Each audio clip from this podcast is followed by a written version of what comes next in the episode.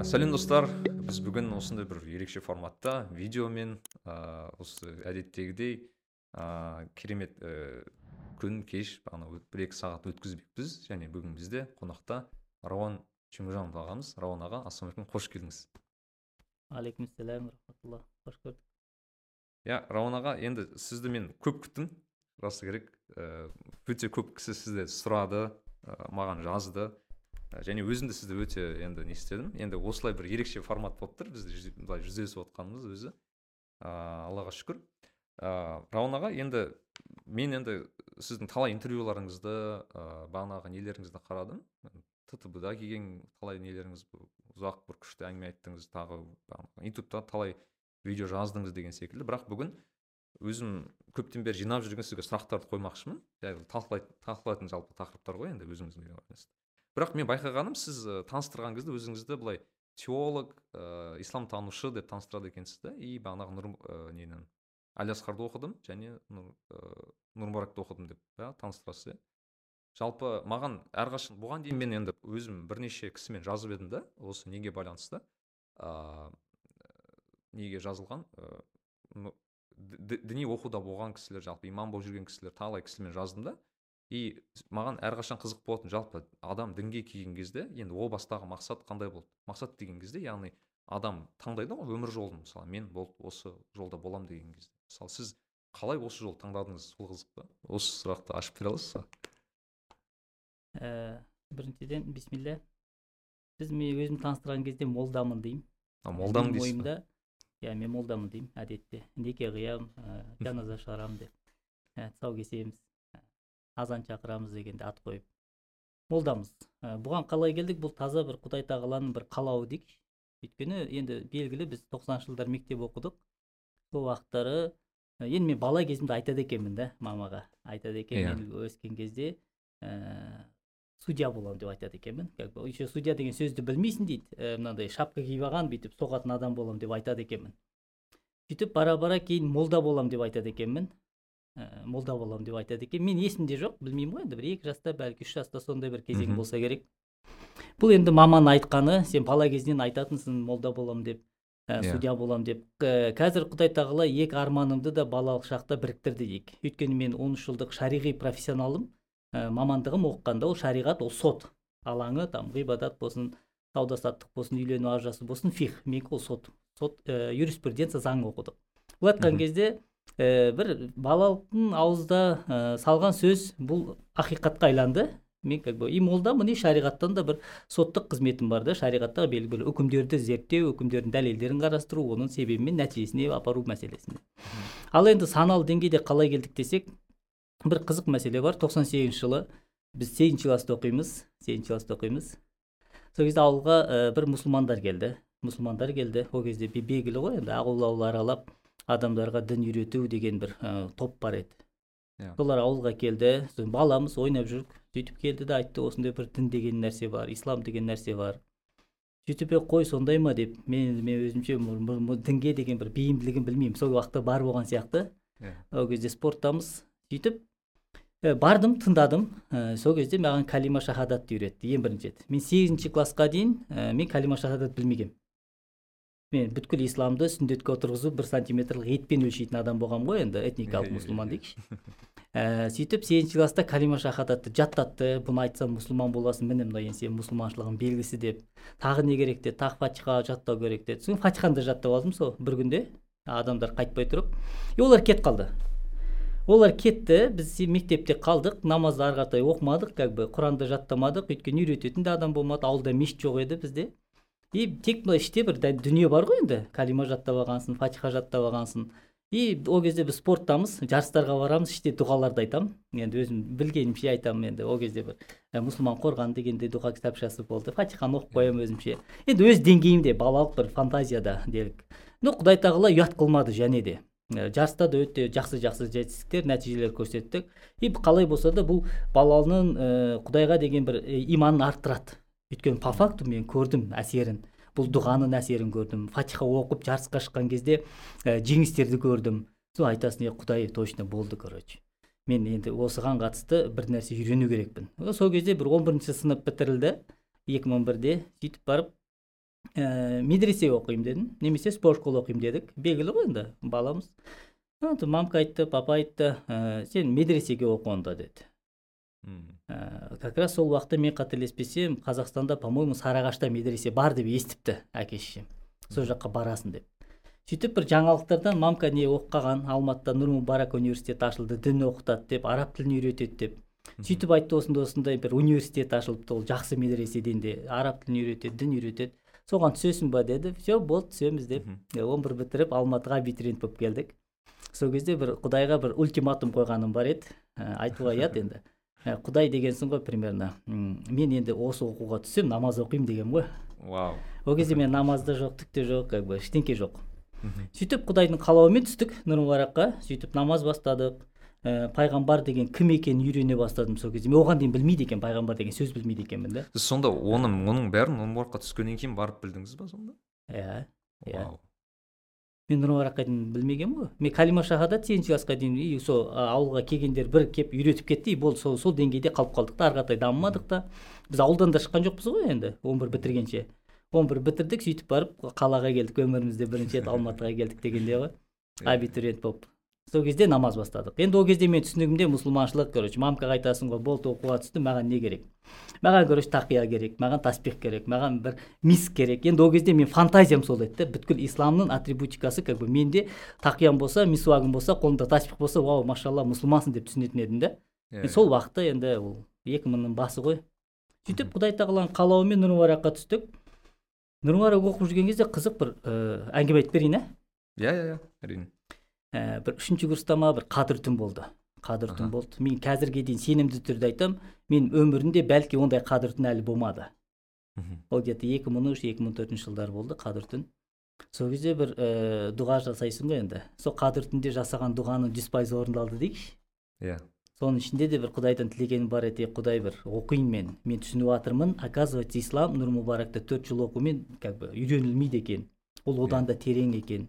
Одан да кең мен қазір фундамент вроде базамыз бар но ол аз сен енді мировой аренада ең үлкен үстем университет алиасқар әмбе нұр ұстаздары алиасқардан келеді ғой.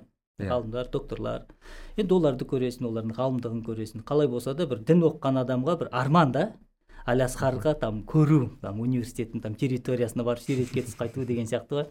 Или там ғасырлар бойы там кітап оқылған аудиторияға барып демалып қайту мысалы атмосферасын сезу университеттің алиасқардың там стенасының ішінде. Атмосферасын сондай бір арман бар еді.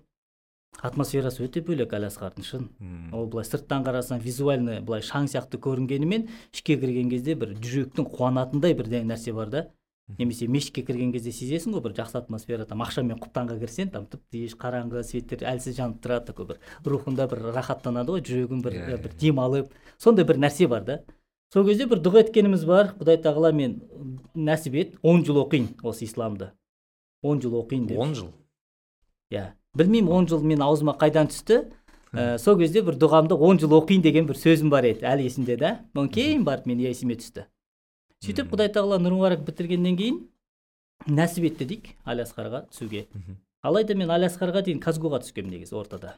Нұр мүбаракты екі мың бесте бітірдік те казгуда магистратураға түсіп алдық. Өйткені біз ә, заявка бердік қой университетке алиасқарға иә олардан әлі маған приглашение келген жоқ. А приглашение келгенше мен не істеймін деген бір ой бар да. Сол кезде маған ең қатты ауыр тиген ой сен енді студент емессің деген бір айтып қалды да. Дипломды алдым. Сол период мен магистратураға әлі түскен жоқпын. Алиасқарға да кеткен жоқпын. Но диплом уже қолда э, ортада қалдым да. Сол кезде ең ауыр тиген сұрақ прям қатты ауыр тиді маған. Мен ойланып кеттім қатты ойландым сол кезде. Сен енді кімсің деді да студент емессің не істейсің деді. Сол кезде мен как бы іштен сезін сезесің ғой бір құдай короче оқимын мен студент боламын деп. Сөйтіп емтиханға кірдік. Ә, енді дінтану жоқ еді дінтануға түстік исламтану жоқ еді ол кезде казгуда. Сөйтіп құдайдың қалауымен ә, грантқа түсіп кеттік казгуға магистратураға. Мгм. вот түсіп алып староста болып кеткенсің ғой сразу сентябрьде барасың активист болып па? Ә, сөйтіп жүрген кезде приглашение келді мысырдан сентябрьдің соңына таман. Сөйтіп казгудан ә, шықтық кешірім сұрадық как бы документімізді алдық та алиасқарға кеттік қой екі мың бестің күзінде. Мгм. содан бастап алты жылда алиасқарды бітірдік. И сонымен в общем короче он жылға толтырдық дейікші. Вау. Дұғамыздың әлиасқар қабыл туралы иә мен өзім әрқашан қызық болатын әлиасқар туралы т- түрлі мағлұмат еститін ол там ең үлкен университет иә ислам әлеміндегі ең білсем и андай бір американский енді американдықтар кембридж айви лиг дейді ана лига плюща десе ол ислам әлемінде ол әлиасқар енді бірден бір несі. Иә массачусетс дейміз ба технология әлеміндегі иә ә, MBA дейміз ба. Рухани әлемде исламдағы ол әлиасқар ғой. ә, оны оқуға оқығаннан кейін айтып тұрған жоқпын оны оқымасам да айтар едім да өйткені шын мен мировой аренада өзінің ә, атқарған еңбегімен өзінің выпускниктарымен дінді орта түсінікпен түсініп ә, ешқандай радикализмға бармай төрт мазхабты бірдей тең көріп ешкімді бөліп жармай бауырым деп сол деңгейде шариғаттың ә, ғылыми жағын және исламның рухын миксовать етіп үйрететін бір шаңырақ әлиасқар әрине әлиасқар енді фатимидтердің кезінде негіз алады ғой ә, фатимидтердің кезінде. Изначально әлиасқар туралы бір мағлұмат айтсақ әлиасқарды ашқан адамдар негізінде шииттер. Вау емес. Иә иә. Әлиасқардың фундаментін шииттер ашады фатимидтер деген шииттер. Сөйтеді да ә, ғасырлар өтеді ә, сүнниттер ә, сүннит әлемі ә, басшылыққа келеді халифатқа. Сөйтеді әлиасқар мешіті ә, жұмысын тоқтатады негізі. Енді ол шииттердің университеті болғаннан кейін ол жұмысы тоқтайды. Ә, сөйтіп барып бұны енді қаншалықты рас өтірігін білмеймін. Қазақ болғаннан кейін айтамыз ғой негізі қалиасқар мешітінің екінші дыхание дейміз ба? Негізі сұлтан бейбарс деген да. Сұлтан болып келіп Вау. әлиасқарға мысырды жаулап сол жаққа бастық болған кезде мировой аренадан сол кезде куфа бар басра бар да хорасан бар сол жақтан ғалымдарды шақыртып арнайы. Сөйтеді да ә, әлиасқар мешітіне жаңадан бір импульс береді. Сол сұлтан бейбарс ә, зохир бейбарс дейді өздері. Сұлтан бейбарс атамыз дейді да. Сол кісі негізі әлиасқарға екінші бір импульс береді. Да содан бері әлі тоқтамай жалғасып келе жатыр сол күннен бері әлиасқар ә, сүннит көзқарастағы исламды дұрыс түсіндіретін қара шаңыраққа айналды десе болады. Мәссаған Оны мен қайдан естідім? не- несі негізі сонда шииттермен қаланғанымен бейбарыс бағанағы бабамыз ыыы бұны жаңа жандандырды деуге болады ғой иә яғни жаңадан жаңа енді мировой аренада сол уақыттың ғалымдарын жинап бір шаңыраққа біріктірген ғой. Ол кезде ғалымдар да әр облыста болған ғой енді бұл куфада бар барас басра бар там әр жерде болған мәдинаның ғалымдары бар меккенің ғалымдары бар. Соның выдающий ғалымдарын жинап сабақ беруге қабілеті барлар дейікші енді солай айтсақ. Ә, негізінде ол кісі өте мынандай ислам дініне ә, жалпы әлиасқардың әлиасқар болуына ислам әлеміндегі ғылыми базаның күшеюіне үлкен бір үлес қосқан бір тұлға да шариғатта. Иә. Оны біз бірінші рет мен студент кезімде естідім нұр мубаракта мысырдан әлиасқардан келген ұстаздарымыз айтқан оны. Біз қарызымызды қайтаруға келдік деді да бір ұстаз. Мәссаған. Прям солай қандай десек иә иә сендердің аталарың әу бастан бізге негізінде қалыптастырып кеткен еді. Бейбарыс аталарың құран курстарын ашқан еді әлиасқардың жандануына себеп болған еді. Бюджет бөлген ғалымдарды жинаған студенттерге условия создавать еткен. То есть ислам ілімінің дамуына көп үлес қосқан сендердің аталарың олай болса біз сендердің алдарында қарыздармыз біз оқыған әлиасқар университетінің түлегіміз біз қазір қарызымызды қайтаруға келдік деген бір сөйлем бар еді. Содан естідім мен ол солай екенін бұны енді екінің бірі біле бермейді ау бұны осы оқыған сол арабтардың өзінің арасында бір сауатты әлиасқардың төңірегінде оқығандар ғана айтады бұны. Вау мен бейбарыс бабамыз туралы ана неше түрлі оқимын ғой. Мен мен бірінші рет таңғалғаным. Қателеспесем енді сіз түзейтін шығарсыз анау есімде болса имам науи иә бір ғасырда өмір сүрген ыыы бейбарыс бабамызбен мен маман емеспін тарихтан. Қай ғалым қай ғасыр жоқ ана мен просто көп еститін да андай бір ыыы там имам то есть Бе- бейбарыс бабамыздың андай неге ғалымдарға деген былайша айтқанда уважениесі құрметі өте жоғары болған деген сияқты сондай бір ыыы нелерді еститінмін өте көп оқитын енді соның нәтижесінің көрінісі ғой әлиасқардың бүгінгі амал етіп тұрғаны ол кісі Иә. ғылымға көңіл бөлмесе ғалымдарға условия создавать етіп жан жақтан шақырып енді бүткіл ғалымдарды отбасымен шақырып условно айтайық бір ә, общежитие ма гостиница салып берді ғой университеттің жанында иә иә сонда тұрғызып көңіл бөлмесе ешкім келмейді негізінде. Ә, ол кісі шынымен бұл үлкен бір көрсеткіш негізінде ә, ғылымға білім иесіне бөлген көңілі.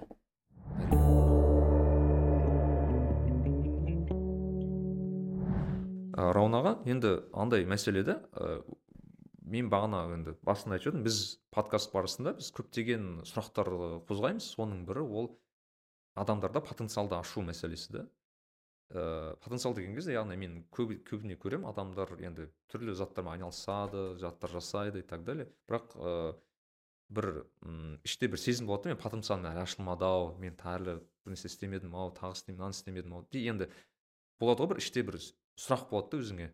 Кейде ойлайсың мен бір нәрсені дұрыс істемей жүрмін мен бір потенциал менде көп сұрақ болатын кезінде сондай шын айтайын. Ыыы кейін ыыы енді жұмыс істей барысында енді түсіндім да примерно былай екен ғой деген секілді.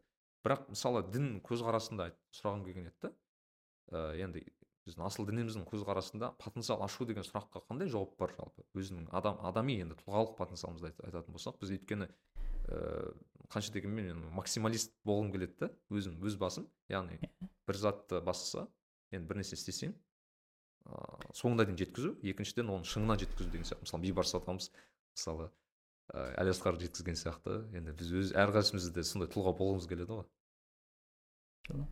Нәрікби бұған ә, табиғат аға жақсы жауап берген сияқты негізінде мхм. Сен алдыңғы подкастында мен естігемін адамның потенциалына қатысты иә иә. Ол кісінің түсіндірмесі мен ашықтамасы шынымен өте керемет. И ол кісі мен айтар едім ә, шариғаттың шеңберінде айтылған сөз еді ол кісінікі. А шын ба? Ә, өйткені ол кісінің негізі діни сауаты дипломы болмағанымен как бы фундаменталды. Алайда діни сауаты өте дипломы бар адамның көбісінен жоғары десе болады да. Оны мойындау керек. Өзін қатты жетілдірген адам. Ол кісінің ол потенциалға қатысты айтқан жауабы ә, шынымен орынды. Ә, қалай? Негізінде ә, біз адам ә, адамға құдай тағала мыңдаған сезім берген бізге белгілі бір энергия берген күш қуат yeah. Иә. берген.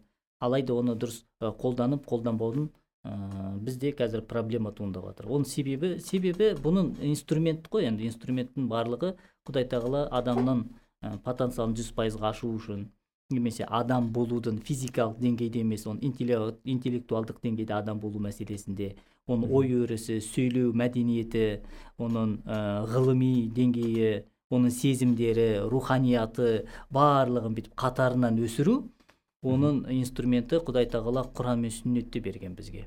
Иә. Yeah. былай айтқан кезде құран сүннет ол біздің стомыз ол біздің рухани стомыз ә, сезімдерімізді істейді біздің энергиямызды реттейді.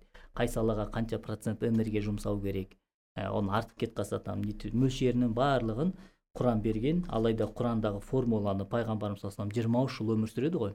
Сол жиырма үш жылдық пайғамбарлық периодында физикалық өмірінде отражать еткен. Түсіндіре алдым ба? Иә. Біз өйткені құранды шынымен бірден түсіне алмаймыз пайғамбарымыз оның практикасынан көрсеткен оны сахабаларға шайнап түсіндіріп берген сахабаларды кейінгі ұрпақтарға шайнап берген. А исламның ә, діннің так таковой исламның қоғамдағы беделі артқан сайын қоғамдағы тұратын тұрғылықты мұсылман халқын дейді так практикующий мұсылман халқының руханияты потенциалы сезімі эмоциясы ондай сұрақ қалмайды. Ондай сұрақ қай уақытта пайда болды? Ондай сұрақ мен айтар едім соңғы жүз жылдан бастап пайда соңғы үш жылдан бері идеялар пайда болды но актуальны болды соңғы жүз жылда. Иә. Yeah. өйткені тарихта ең қараңғы ғасыр ең ұзын ғасыр деп айтылады ғой жиырмасыншы ғасыр. Екі дүниежүзілік соғыс болды жүз сексен миллион адам. Искусственно өлтірілді бір сондай период геноцид болды геноцид болды адам өлтіру болды соғыстар болды да. Тем более қазақ жері оның бәрін спалына көрді дейді да там соңғы афган соғысы мен тоқсаныншы жылдары гоп стопқа дейін да. И иә. және де соңғы үлкен нүкте жиырмасыншы ғасырға бізге берген ә, қараңғы мирасынан ол адам мен алла тағаланың ортасындағы разрывтың алыстау мәселесі да. Мм. Алла қайда адам қайда болып кетті? То есть ислам қайда мұсылман қайда болып кетті да? Осы разрыв кеңейгеннің нәтижесінде бізде қазір социальный проблемалар көбейді. Егер қазір айтатын болсақ да ислам әлемін қайта дамытамыз қазақстан қоғамын қайта дамытамыз там завод салу керек там фабрика ашу керек там жолды жөндеу керек. Yeah. Иә. егер біз және де материальный нәрсеге қалатын болсақ ол да бір марксизм ленинизмнің философиясынан шықпаған болып саналамыз да? Олар болу керек алайда оның барлығы руханияттың призмасынан болу керек. То есть бізге қазір қоғамға не керек? Қоғамдағы жаңағы депрессняктан айырылу үшін социальный там ә, проблемалардан құтылу үшін да там отбасылық мәселе туыстық қарым қатынас адам өз энергиясы там немесе невроз мәселесі да панический атака не знаю қазір бізде шизофрения қазір қоғамда өте көп та. И бұның барлығын себебі не десек бұның барлығы себеп подмена ценностей да. Құндылықтар ауысқан бізде. Изначально дұрыс құнды нәрсе құнсызданғанда құнсыз нәрсе алдыға шығып кеткен и ол адамның психикасына давить етеді как, как бы қала қалама саған басады. Оның нәтижесінде адам срываться етіледі да содан кейін энергияң бітіп қалады. Или там ойлайсың қиялдайсың вроде бар менде энергия да бар күш те бар білім де бар. Но как бы живу я не на всю катушку дейді ғой. Иә иә қоғамға польза мақсында как бы әлі де мен ручнигім тартылып тұр. Мен сол ручник спускать етіп жүз процент прям газовать еткім келеді ел, ел үшін пайда болу үшін. Алайда осындай бір спростар бар и всегда біз недеміз да? Убытоктамыз и постоянно бұл сұрақтар пайда болады. Е бұл мәселе сенің сұрағына бір себептерінен кіріп жатырмық қой қазір не үшін бұлар пайда болып жатыр оларды білсек сол кезде біз түсіне аламыз оның нәтижесін как бы шығатын жолын.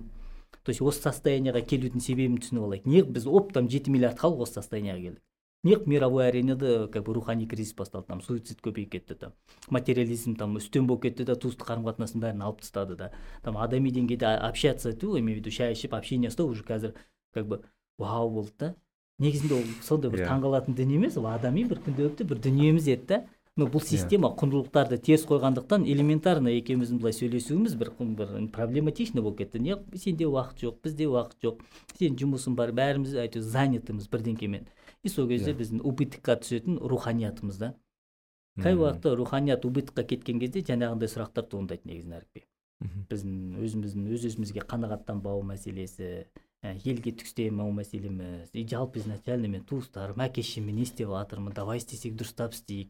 И сол кезде біз осы мотивейшндан аламыз мотивацияны да газовать етеміз. Правда біз көп жағдайда өзіміз соған арналған энергиядан көрі біз басқаға арналған энергияны жұмсап тастаймыз да. И нәтижесінде мына жақ страдать етеді да. То есть сен там отбасына бөлетін там бес процент энергияң бар сен аласың да оны мына жаққа жұмсап тастайсың а отбасына энергияң жетпей қалады да. Не то что ол жоқ ол бар еді просто сенде регулировка дұрыс болмады. А регулировка дұрыс болмауы ә, адамның настройка істегенде пайда болады да. Өйткені адам емес бізді жаратқан алла ғой. Алла бізді бізден жақсы біледі да. И біздің қандай күшіміз қандай энергиямыз қандай потенциалымызды қалай қолдану керек құдай тағала бізге құранда түсіндірген. Бұл құранды да сүннет бізге шайнап берген изначально. Олай болатын болса шынымен кемел адам боламын десең ә, трендтағы кітап қой иә. Шынымен соған барам десең ә, бірақ қана маршрут бар. Бүткіл жеті миллиард адамзатты құтқаратын шынымен құтқаруға потенциалы бір бірақ қана маршрут бар. И ол маршруттың аты да құран сүннет. То есть оны бүйтіп ә, біздің тілде айтатын болсақ біздің шариғатымыз ислам біздің қазақтың призмасынан айтсақ онда біздің салт дәстүріміз. Өйткені біздің салт дәстүріміз де асылынан құран сүннеттен елегінен өткен ғасырлар бойы. Біздің салт дәстүр ол исламның қазақи менталитеттегі бір отражениесі да негізінде. Салт дәстүр ол құнды дүние біз мақал мәтеліміз бар осының барлығы. Осы уақыттан то есть жиырмасыншы ғасырдан адам рухани құндылықтан ажырап алла қайда діннен ажыраған кезде и жаңағы сұрақтар туындай бастады психологтар мәселесінде адамның өзінің мынандай травмалар мәселесінде құндылықтар ауысып кеткен и ол құндылықтар жиырма жыл бойы келе жатыр вроде оқыды сауатты но рух та қарын ашады ғой. Енді yeah, иә, иә. рухани азық беріп тұрмасаң рухқа вовремя онда құр физический мынандай ә, потребностьтарды қанағаттандыру адамды адамдықтан гөрі хайуандыққа жақындатып жібереді. Hmm. сол кезде сен логически түсініп тұрасың иә вроде олай емес дейсің да. Но по факту солайсың да. И себеп неде дейсің? Себеп мынада қай уақытта енді абай атамыздың тілінде айтатын болсақ мен мен менікінің айырылғанын өлім деп ат қойып төңкей білмес дейді ғой. Ә, мен бар менікі бар. Ә, менікі мына физиологиялық дене десек бұны менікі деп тәуелдеп тұрған мен рухпын да мен жанмын. Біз көп жағдайда менікіне қарап өмір сүріп кеткенбіз да қазіргі система имею капитализм мәселесі коммунизм де сондай еді да капитализм де сондай еді. Мировой аренадан бір бақыттылыққа апарамыз деп уәде етті там громкие заявления дейді ғой. Yeah, все будет там изобилие там вот оно счастье деді ну ауыл бақыттың ауылына біз наоборот алыстап бара жатырмыз ну понятно что система только акцентирована на материи. Адам то материя емес материя тем более біздікі. Как бы біз өзіміздік үшін өмір сүріп кеттік та а мен то өзім рух үшін не істеп жатырмын? Мен то жанмын рухани бір азық керек. Біз денемізді тойдырып қойғанбыз киімді киіп қойғанбыз. Ә, қыдыратын жердің бәрін дене үшін қыдырып тастағансың алайда рухани бір не істедік? Рухани поездка істесең қажылыққа бар кел умраға бар кел. Рухани азық керек болса мамкана барып зиярат етті рухани азық керек болатын болса онда бір қазақи бір әдеби классика оқы. Руханияттың беш бармағынан бастаймын десең онда калима шахадатты айтып намаз оқы да өйткені рухтың шынайы бір, бір бес бармағы десек болады да такой. Жүрөк рух бәрі қанағаттанған кезде өмірде баланс. Бұны данияр ағаның несінен бар ғой? Интеллект мәселесінде. pq iq eq sq Иә, иә. vq деген бар ғой. Сол интеллект. Енді өте маңызды ғой. Осыны параллельно дамытқан кезде. По сути бұны параллельно дамытатын инструмент только исламда ғана бар да. Ә, басқа ешкім қарамағанда пикюға көңіл бөліп тастағанбыз да физикалық денсаулыққа там. IQ-ға там акцент беріп қойғанбыз.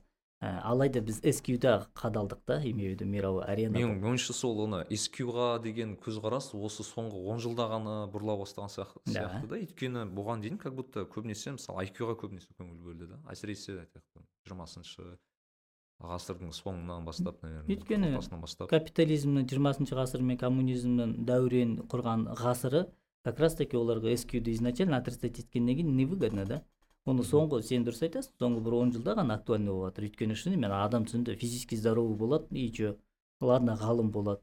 Но руханият болмаса ол как бы а, как бы балансированный адам ретінде қабылданбайды қоғамда ш.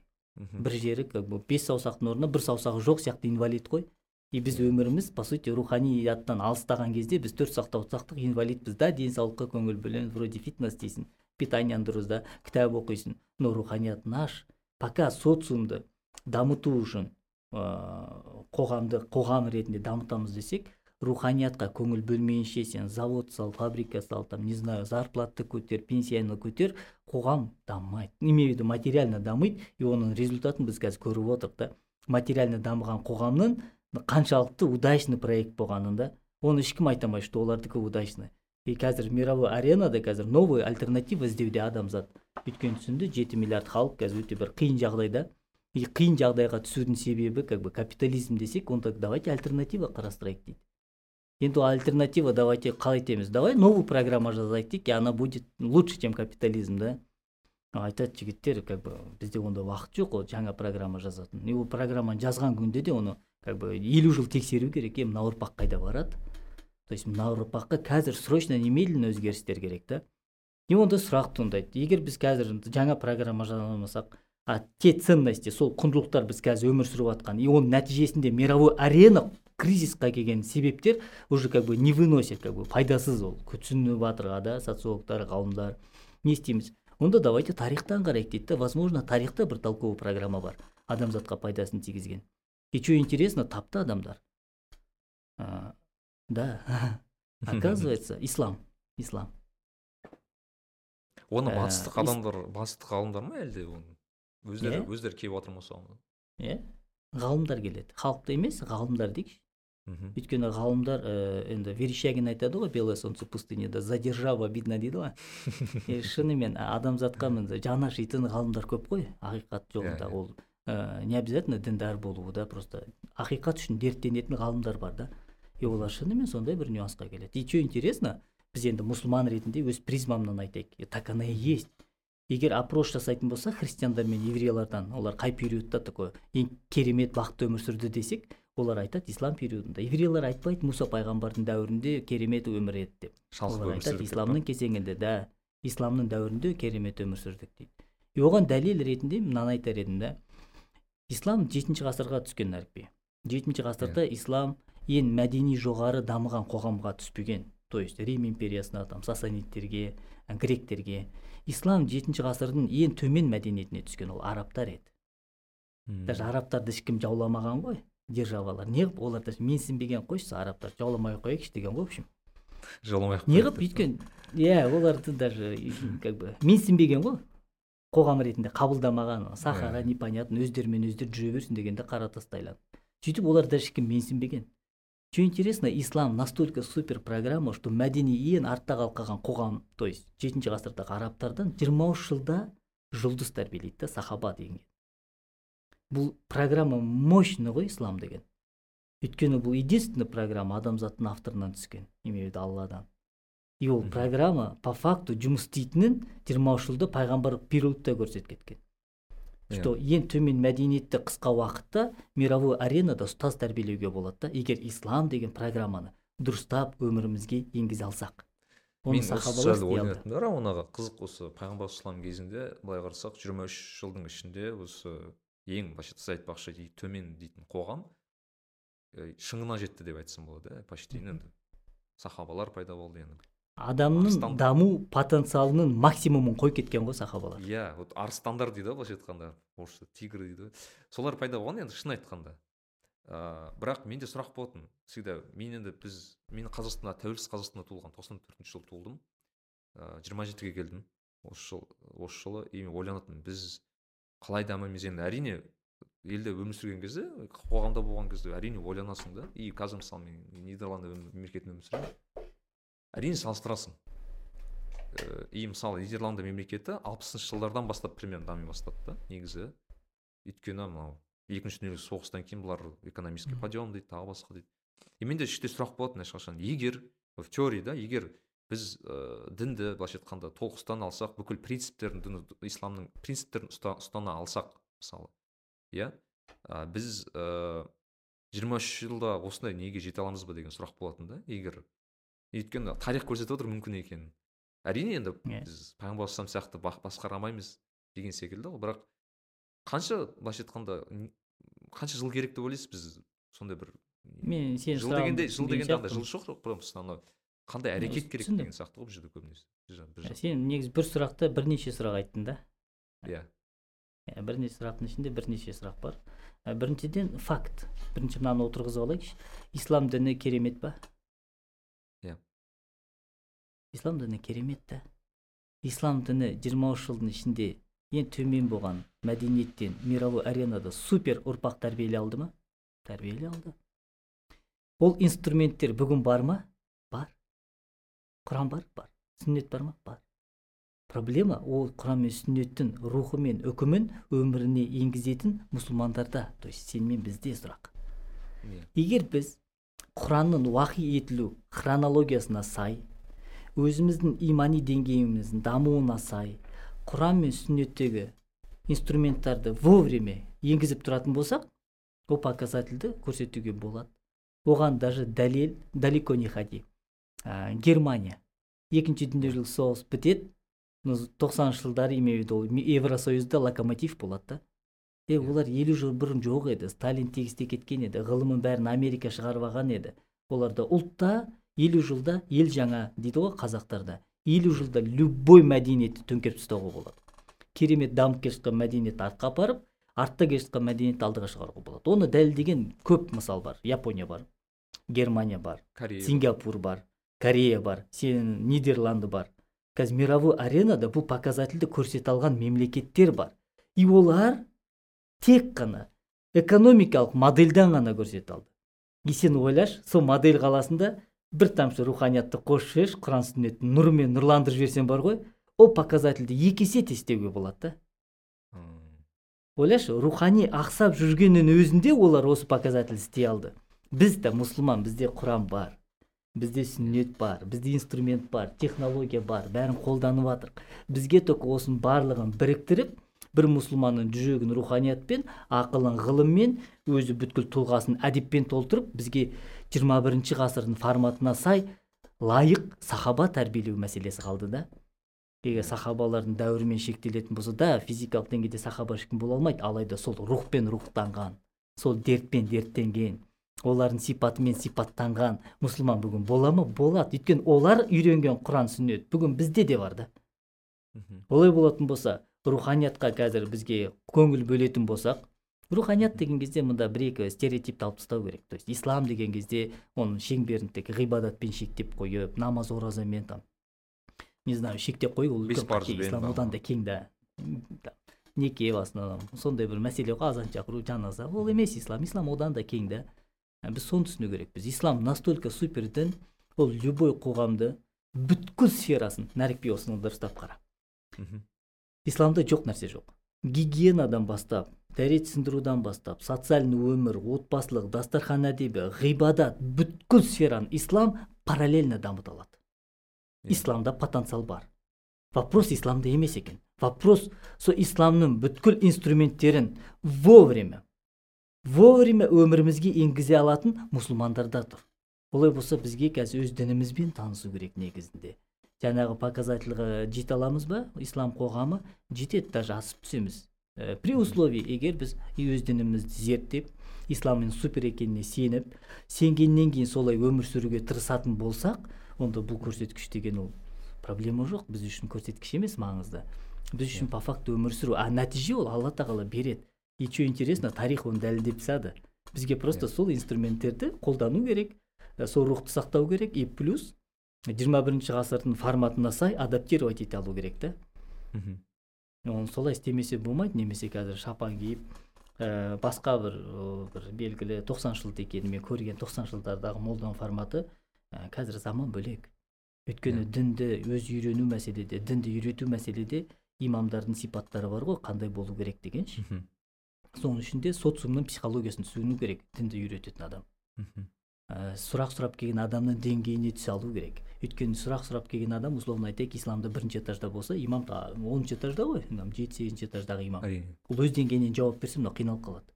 То есть осының барлығы түсу керек түсу керек түсу керек. И бізге қазір социумның деңгейіне түсу керекпіз.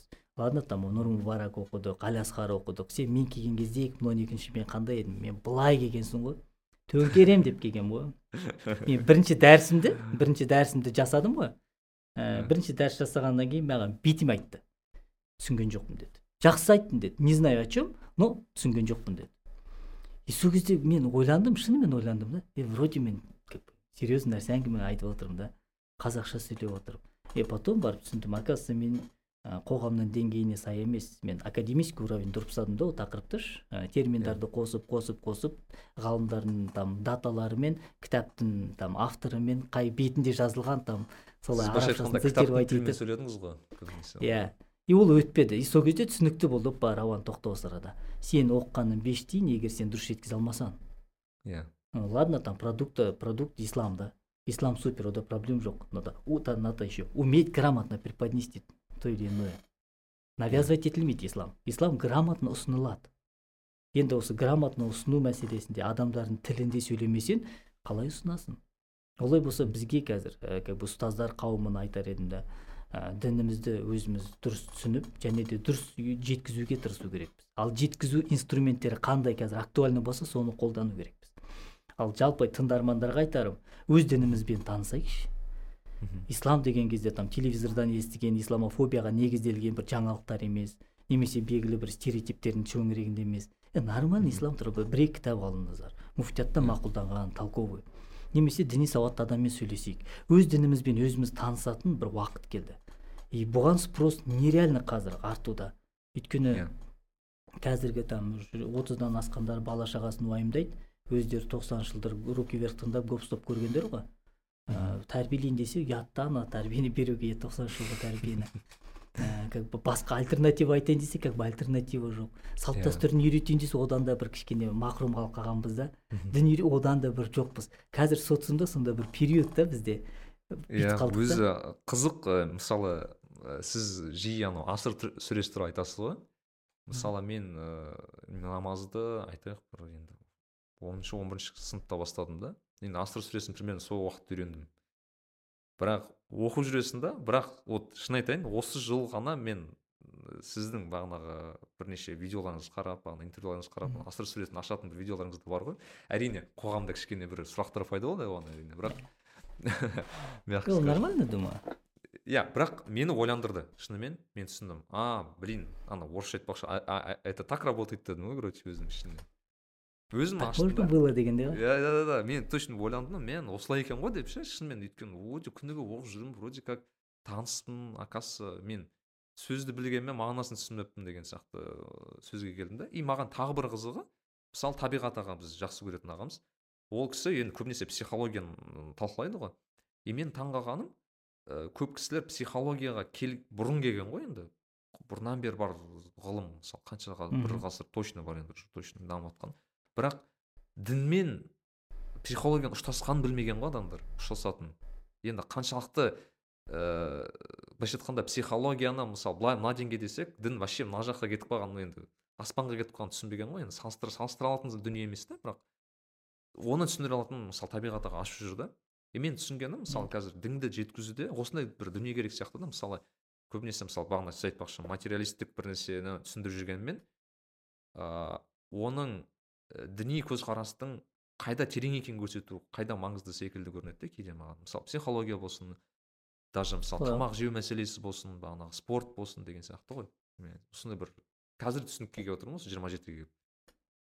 Жоқ оған да бір шүкір ету керек шүкір ету керек. Ә, мында да және бір екі сұрақ мен бағана әңгімені аяқтап тастайын. Ә, бағана біздегі қоғамда қала қалама бір спрос көбейеді. Дінге уже көбейіп жатыр да. Өйткені шынымен басқа қайнар бұлақ қалмады. Орыс болайық дедік орыс мәдени орыс та бола алмадық. Батыс болайық дедік қатырып короче бір ағылшынша үйреніп алғанымыз болмаса бір екі там форматный бір замашкаларын үйреніп алдық но бір англичанин емеспіз. Қазақпыз десек де салт дәстүрімізден де кішкене суық қаппыз да осы жылдар жүз жылдың ішінде. Не істеу керек? Міне дінімізде не енді осы арада біз ортада тұрған ұрпақ екенбіз да. Мен мына жақтан дұрыстап айтуға тырысайыншы. Біз осы бір ортада қалқаған бір ұрпақпыз. Енді бізге шешім қабылдау керек. Надо определиться. Біз неге сүйенеміз. Неге біз негізделеміз қайнар бұлағымызды? Просто біз болашақ ұрпаққа бір нәрсе беру керек біз оларға нормально мықты платформа фундамент керек. И ол период біздің период қазір. И осы арада қателеспейміз егер салт дәстүріміз бен исламға фундаментті қоятын болсақ онда нұр үстіне нұр болады. Ал енді осы арада уже сенің сұрағың актуальный болады да а ислам ислам шынымен супер да. То же самое былай айтар едім психологтардың сұлтаны, пайғамбарымыз саллаллаху ғой негізінде.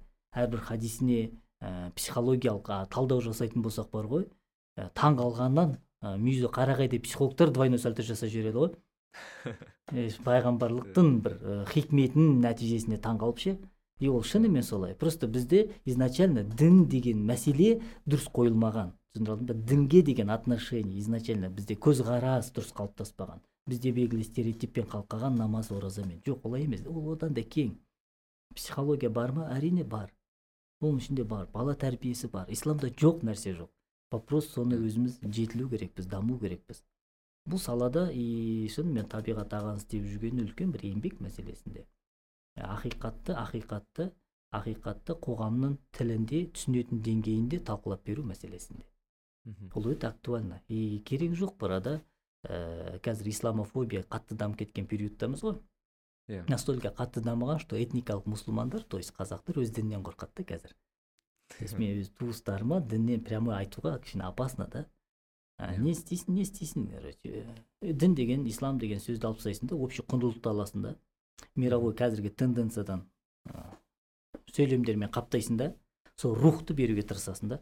Олай бола ма? Олай істеу керек. Не то что болады солай істеу керекпіз дінді үйретуде. Өйткені фобия дамып тұрған кезде зачем олардың қышып тұрған жерін ары қаратай тырналап. Иә. Айланып өтіп кету керек қой. Нені жұтам дейді? Не мысалы спорт спортсмен жүгіріп келді да марафон. Оған алдынан шығып там не знаю бешбармақ бермейсің ғой су бересің да. Иә. то есть сен түсінесің ғой ситуация ол шөлдеп келе жатыр точно. Су берсең ішеді. Олай болса біз де түсіну керекпіз қоғам қандай форматта информацияны қабылдайды? Иә. қазір қоғамға ол судай керек болып тұр. И біз ислам деген құндылықты сол форматта шариғаттың шеңберінен шықпай исламның рухын сақтап сол форматта бере салу керек та. Керек жоқ мына форматты қатырып оны не знаю оныншы он бірінші он екінші ғасырда жазылған кітапты оқып алып тура солай цитировать етіп өтпейді.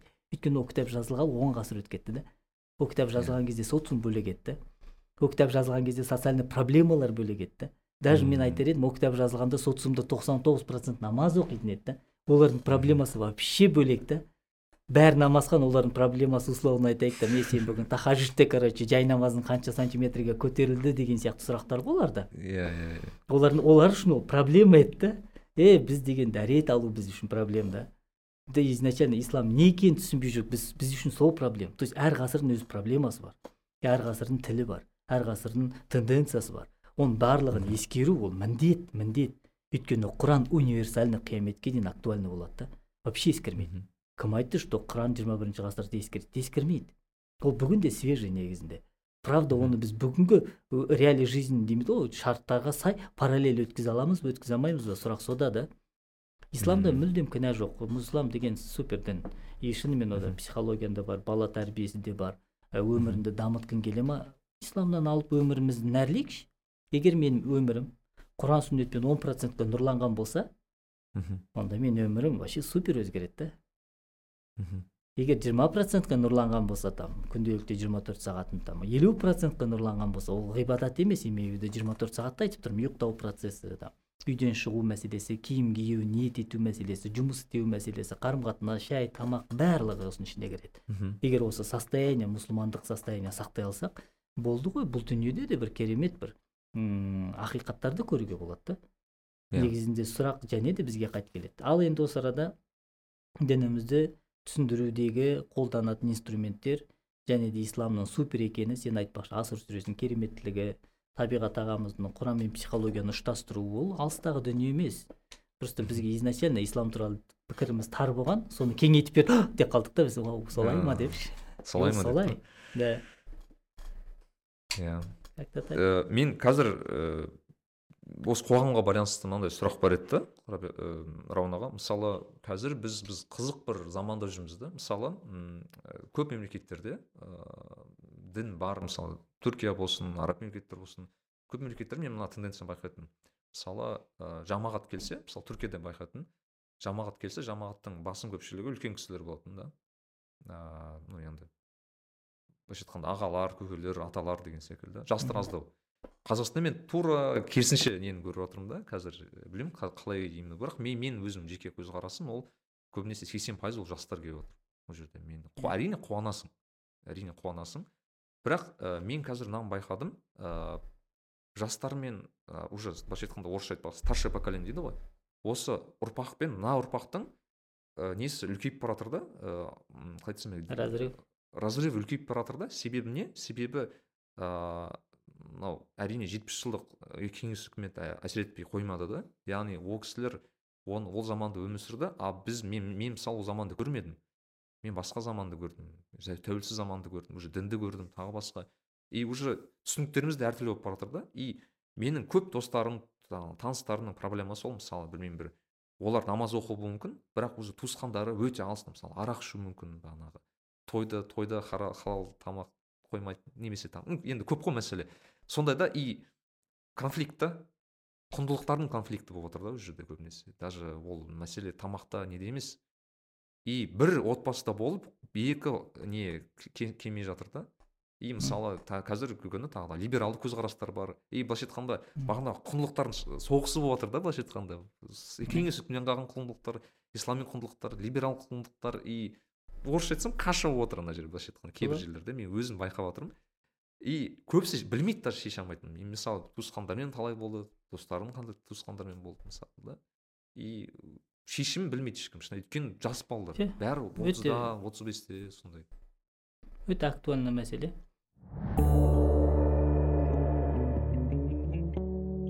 Ә, бағанағы анализін өте бір ә, керемет анализ негізінде. Шынымен ә, бұның енді ә, қазақ қоғамының ә, жастарының мешітте көп болуы дінге бет бұрылуы бір қуантарлық жағдай ғой. Шынымен керемет нұр үстіне нұр. Бұған қуану керек. И болашақта исламның туын көтеретіндей жастар осы дінмен ерте уақытында танысқан бір қоғамның бір сүйінші бір хабар сияқты бір көрінеді ше маған өз жеке басыма. Өйткені сен айтпақшы түрік әлемін көрдім мен араб әлемінде оқыдым. Араб әлемінде де тура сол көрсеткіш тек қана бес уақыт намазға жиналатын үлкен кісілер ғана. Жастарды көп көрмейсің. Ал енді болашақ жастардың қолында дейтін болсақ алдымыздағы елу жыл болашақты онда біздің ә, жастарымыз мировой аренада белгілі бір исламның атынан сөйлейтін бір құқыққа ие болады. Өйткені исламға қызмет етуде ұлт роль ойнамайды ғой там. Ә, не принципиально что исламның туын там түріктер көтереді арабтар көтереді. Ондай ондай изначально понятие жоқ исламда.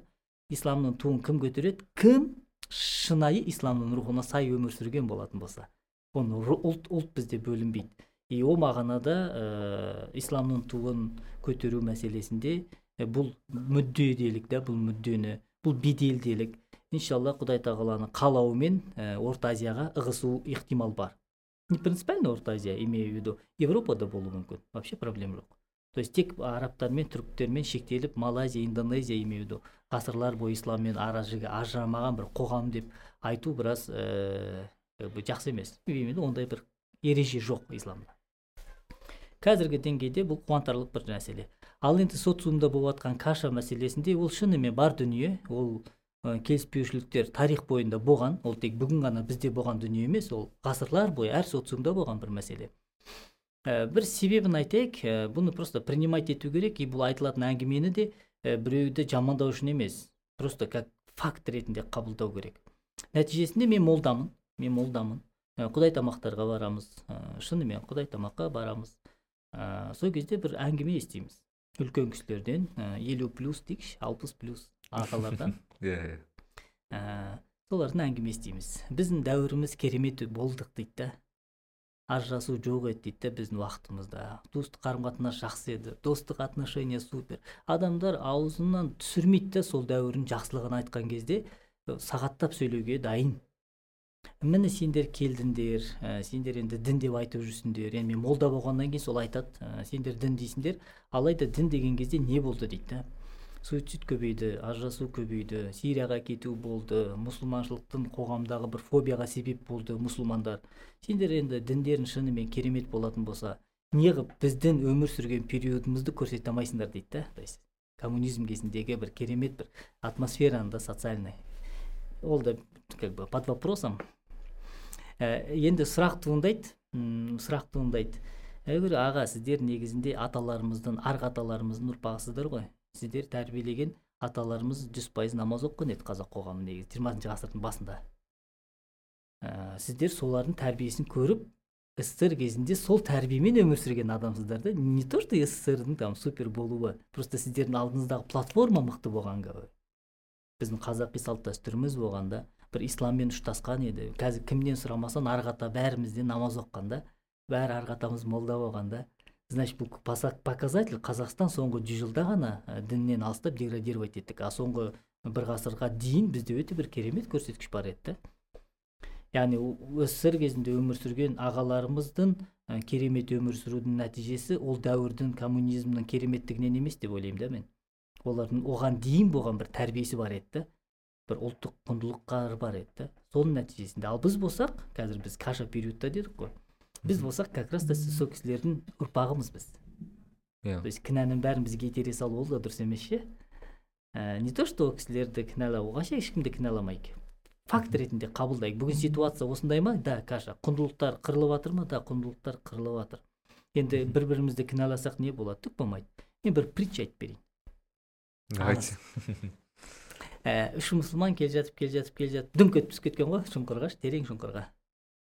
Бір мұсылман тұрып алыпты да айтыпты сен кінәлісің деген ғой айттым мен саған былай жүрейік деп сен мына жолмен жүрейік мына жолмен жүрейік деп міне үшеумізді шұңқырға түсірдім деген да екіншісі тұрып айтыпты жоқ басқалар кінәлі деген да христиандар еврейлар кінәлі короче діннің жаулары кінәлі деген да специально олар сол осылай бізді бұрып әкелді и не шұңқырға іздеп бізді түсірді да үшіншісі үшіншісі үшінші- үшіншісі ешкім жамандамайды да ол алады да бір қурайта ойып алады да сонымен шұқ қой бастайды стенаны керегені. Е не істеп жатрсың дейді да. Е мен как бы амал етіп жатырмын дейді да. Осында осыны қазамын жай жай өрмелеп шығып кетеміз дейді да. Енді бізге выбор істеу керекпіз да мен қан- қай типтағы мұсылманмын? Басқа діндерді жамандайтын сырттағы жауларды жамандайтын мұсылманмын ба? Немесе бір біріміздегі іштегі кухняларды жамандайтын мұсылманмын ба? Екінші мұсылман сондай ғой. Біреу бір бірін жамандайды «Е, анау муфтият жаман дейді мынау вахабист жаман дейді мынау таблиғи жамағат жаман дейді. Бір бірімізбен қырылып жатқан бір дүние. Екіншісі ол ішкі аудиторияны жамандамайды ол сырттан жауыз дейді да всегда. Анау қытай кінәлі короче еврей кінәлі дейді да үшінші мұсылман үшінші мұсылман ешкім жамандамайды. Өйткені ол біледі исламда жамандау как бы бір иманымызды арттырмайды да. Жамандау изначально ол күнә как бы ғибадат емес. Үшінші мұсылман айтады ешкім жамандамайды ол әрекет етуге көшеді. Да минимум. Кішкентай қураймен терең құдықтан там не знаю қанша уақыт қазады. Но факт бастады. Ықыласпен ниетпен. И біз де осы арада определяться етейік. Қазіргі ұрпаққа осыны айтар едім. Біз позицияны бекітейік. Бір бірімізді жамандауды тоқтатайық. Біз бір бірімізді жамандағанмен мүйізіміз шықпайды біздің қоғам дамып дамып кетпейді. Исламымыз гүл болып кетпейді. Не істеу керек? Әркім өз деңгейінде еліне жеріне дінімізге пайдалы бір әрекет етейік те өз деңгейімізде. Сол кезде біз мынандай конфликттардан шығамыз. И бізде жаңағы ситуацияда жиырмасыншы ғасырдағы өткендерді жамандайтын болсақ қазіргі пайда болып жатқан либералдық бағыттарды жамандай беретін болсақ егер мұсылманның миссиясы сол ма? Егер ана ағаларымызды жамандадық мыналар мына топтарды жамандадық мұсылман ретінде е олар біздің дінімізді да олар біздің дінімізді жек, жек көріп кетеді ғой безіп кетеді ғой. А біздің миссия қандай? Біздің миссия адамзатқа дұрыс жүйені үйрету екі дүниеде бақытқа апаратын ол ислам. А оны диалогпен болмаса қонаққа барып отношения мейрамдарда сыйлық беру арқылы болмаса жамандау арқылы дінді үйрете алмайсың. Да жақсы емес. Но бізде принцип емес та жақсы еместі айғайлап айту ше. Сен давай жақсы істе ол өзі жоғалып кетеді да. Оны бәрі біледі ол жаман. Ал сен жиырма сағат айғайла да ол жаман деп. Не болды? Керісінше бізден аудитория кетіп қалады өз дініне суып кетеді исламнан алыстай бастайды. Иә бізде қазір каша болып жатыр шынымен ә, мәдениеттердің арасында діндар діндар діндар адамдар имею дін саласында жүрген немесе жазушылар да элитамыз делік да. Енді ол да бір элиталық деген сөзге мен бір анықтаманы басқаша айтар едім негізінде. Ну факт как бы да. Онда да бір спорный вопрос. Ә, содан кейін сол енді жиырмасыншы ғасырдың тәрбиесінен көрген тоқсаныншы жылдарды көрген адамдар немесе қазір шетелден батыстан білім алып келген адамдар бізді түсінейік мынаны. Біз бір қазанда қайнап жатырмық. Біз бір қазақстанның ұрпағымыз. Біреуміз бір бірімізге тері әсер ететін болсақ онда қазанда қазан бұзылады да бешбармақ дұрыс піспейді ше іштегі. Біз ғой енді ингредиенттары қазақстан социумының. И әркім өз миссиясын дұрыс атқарсын да. Сирақ шықса ей мына бас, бас сен короче біртүрлі жатсың деп ше. Ар жақта жамбас сөйлейтін болса да е там қабырға сен ыңғайсыз тұрсың деп та. Е как ни крути бір қойдың мүшесісің бір қазанда қайнап жатсың и мүшелер бір бірімен тістеспейді ғой тура сол сияқты бізге де қоғамда сондай болу керекпіз. Да критиковать етудің де әдебі болады обоснованность болады оны сол шеңберде дұрыс айта алсаң жақсы. Но бізде көп жағдайда ол жоқ қой әдептіліктен шығып кетеміз. Оның обосновайсын емес бір өсектерге сеніп алып о тисе терекке тимесе бұтаққа айта саламыз. Кішкене осыларды көңіл бөлетін болсақ бұл қаша болу заңдылық. Өйткені даже ибраһим пайғамбар мен өз әкесінің ортасындағы екі дәуір келіспей қалады ғой. Ә, біздің пайғамбарымыз саллаллаху өзі екі дәуір дұрыс келіспей қалады жахили дәуір. Ол нормально. Болады ол қазір коммунизм капитализмнан да кейінгі бір дәуіріміз то есть адамзатты құтқаратын мен сенем жүз пайыз исламнан басқа жеті миллиард халықты құтқаратын жүйе жоқ. И ислам мировой аренаны құтқаруға уже келді.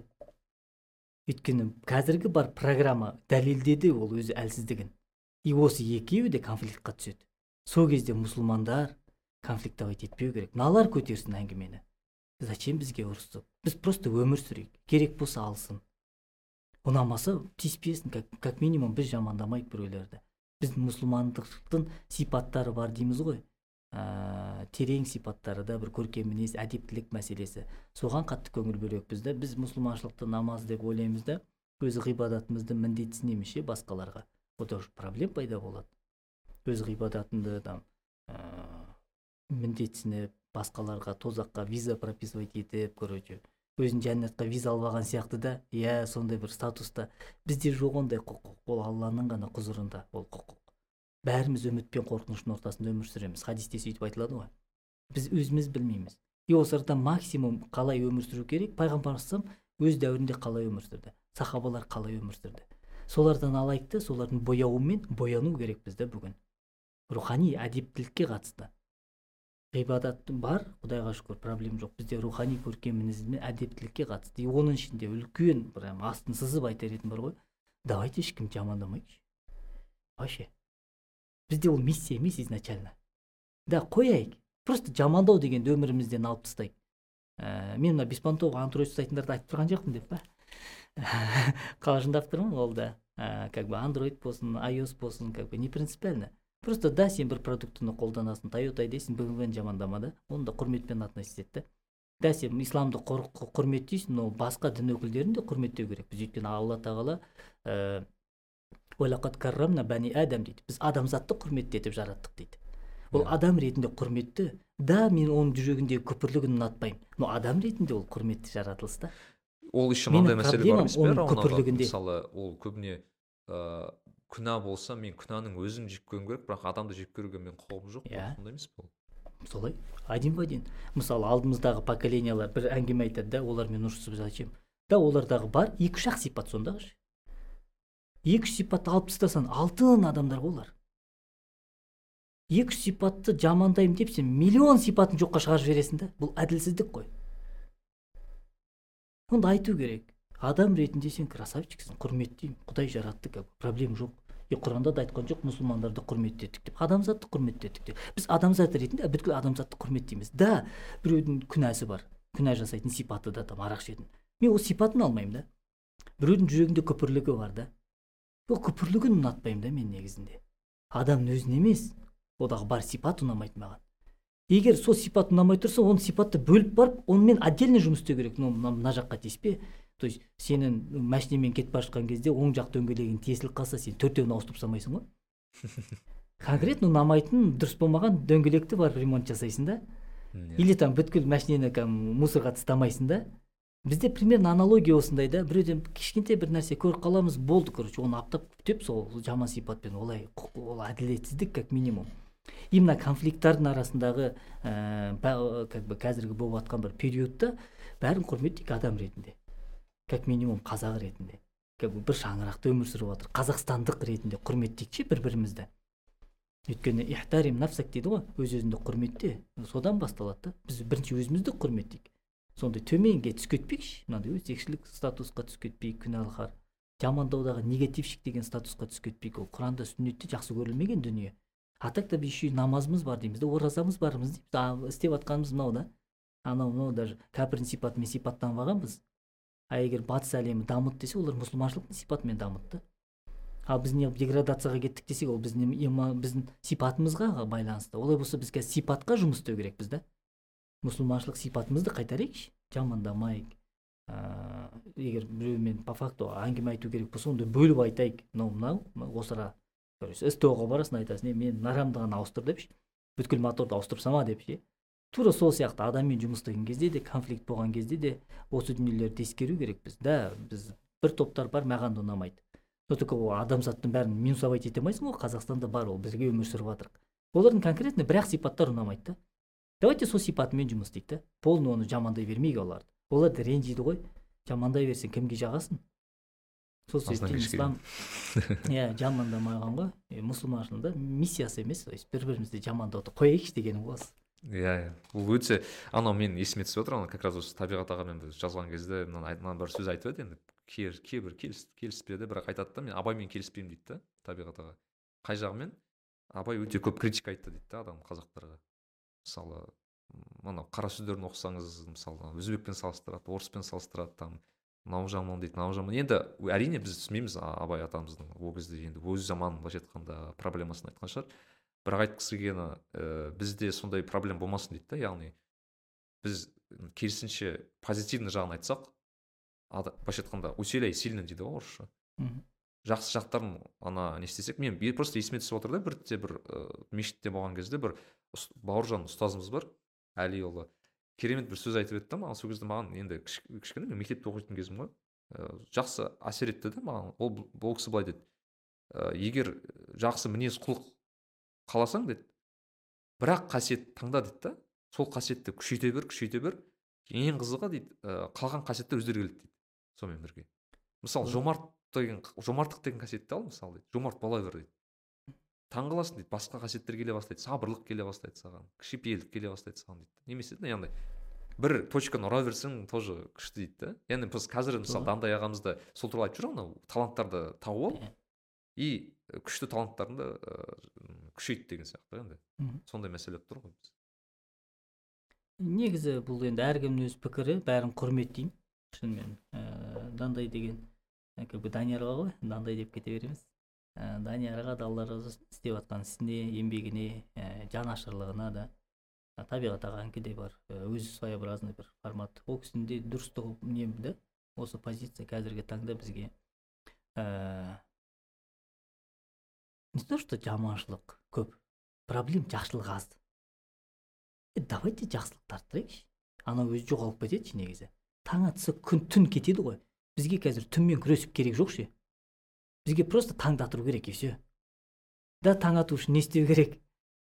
Просто күннің келгеніне бір әрекет ету керекпіз таң ату процесі енді шариғатта екеу ғой. Фаджру казиб фаджру содик деп аталады. Негізі өтірік таң шын таң. Енді ғылымда по моему астрономияда жеті сегіз түрі бар да таң. То есть күннің ату этапы өзі бірнеше этаптан тұрады да. Біз сол таң ату этапының где то төрт бесіндеміз егер нететін болсақ. Біз уже таң атқан периодтамыз негізінде сен күннің сәулесін жарқыратып жіберу керек қой. Сол кезде қараңғылық өзі безіп кетеді. Тура сол сияқты бізге қоғамда да соны істеу керек та жақсылықты көп айта берейік. Жақсылықты бөлісе берейік. Ә, қуантайық. Өйткені шариғатта да солай ғой. Яссиру уәлә туассиру бәшширу уәлә тунаффиру жеңілдетіңдер ауырлатпаңдар сүйіншілеңдер қорқытпаңдар дейді. Давайте сүйіншілейік. Біз жүз жылда тойғанбыз негатив әңгімеге стрессовый өмірге. Бізде социум психологиялық деңгейде шаршап кеткен. Е оны снимать етейік та. Не? Хадистен қолданайық. Қандай? Жеңілдетейік. Иә қиындатпа шариғаттың шеңберінде. Е қуантайық адамдар. Жақсылық айтайық та жақсылық айтайық көп айтайық. Иә. жамандаған так та бәріміздің не как бы өлтіріп жібереміз ғой. Уже жылдар бойы как бы отточенный навык қой жамандау. Опыт бар дейсіз ғой. Опыт бар да. Еще обоснованно жамандаймыз ғой. Құдай сақтасын. Иә. Осы ортада енді мен сізге енді қазір айтып отырсыз ғой мен молдамын деген бірақ андай бір сұрақ пайда болады да. Жақында бір кісілер сұрайды да мысалы тақуа адам кім? деген сұрақ қойды да маған.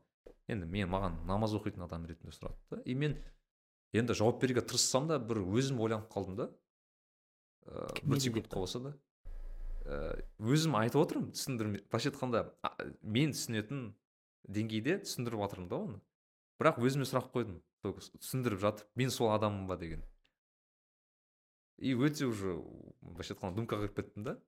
И шынымен андай қиын екен да бір адамға ана бар ғой бір адамға бір нәрсе айту үшін сен сол адам болуың керексің да еще.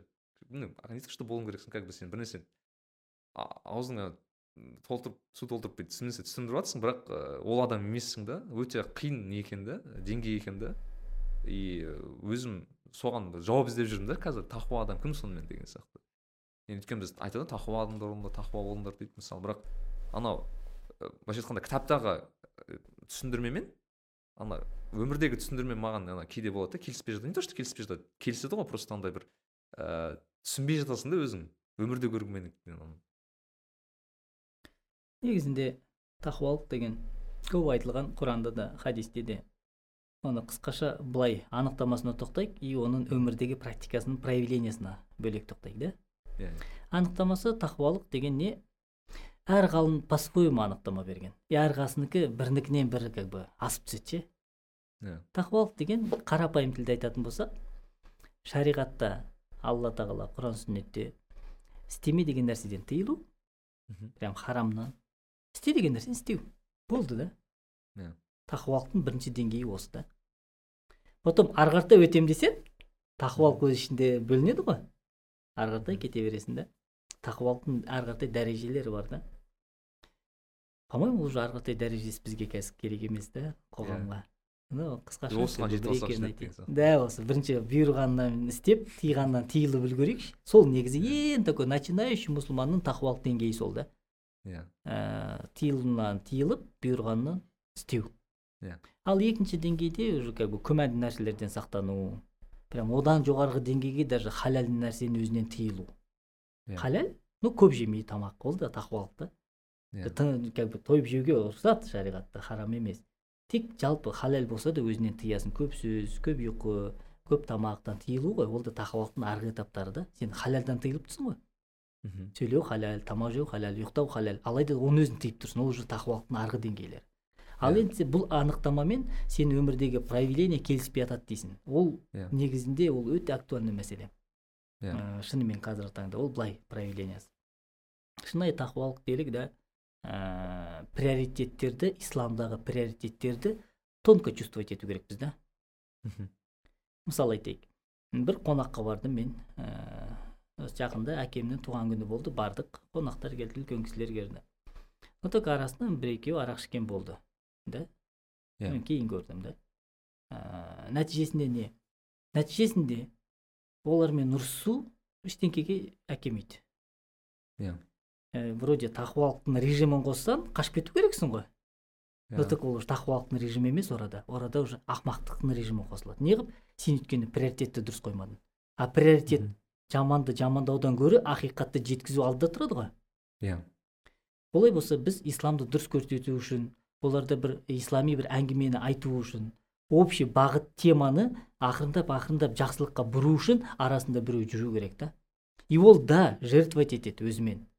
Өйткені белгілі деңгейде ә, арақ қойылған дастарханға отыру мәселесі да астафыралла деп тақуалықтың режимін қосып бармасаң ораға сен бармасаң ораға мен бармасам оған вообще ешқандай мұсылман бәрі такой необоснованно тақуалықтың ручнигін тартып алып бара бер, бармасақ онда ол Иә. социум нетілмейді да кейбір уақыттар бар да біз өзімізді жертвовать етеміз. Жертвовать ету мәселесі осында тұр да.